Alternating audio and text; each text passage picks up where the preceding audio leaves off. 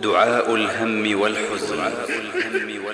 اللهم إني عبدك ابن عبدك ابن أمتك ناصيتي بيدك ماض في حكمك عدل في قضاؤك أسألك بكل اسم هو لك سميت به نفسك أو أنزلته في كتابك أو علمته أحدا من خلقك أو استأثرت به في علم الغيب عندك أن تجعل القرآن العظيم ربيع قلبي ونور صدري وجلاء حزني وذهاب همي وجلاء حزني وذهاب همي كان الرسول صلى الله عليه وسلم يكثر من هذا الدعاء. اللهم إني أعوذ بك من الهم والحزن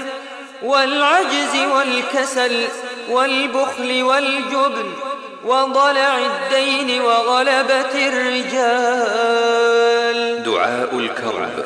لا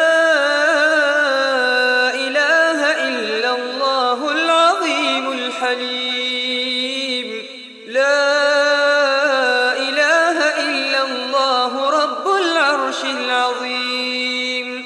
لا إله إلا الله رب السماوات ورب الأرض ورب العرش الكريم. دعاء الكرب. اللهم رحمتك أرجو فلا تكلني إلى نفسي طرفة عين. وأصلح لي شأني كله. لا إله إلا أنت. دعاء الكرب. لا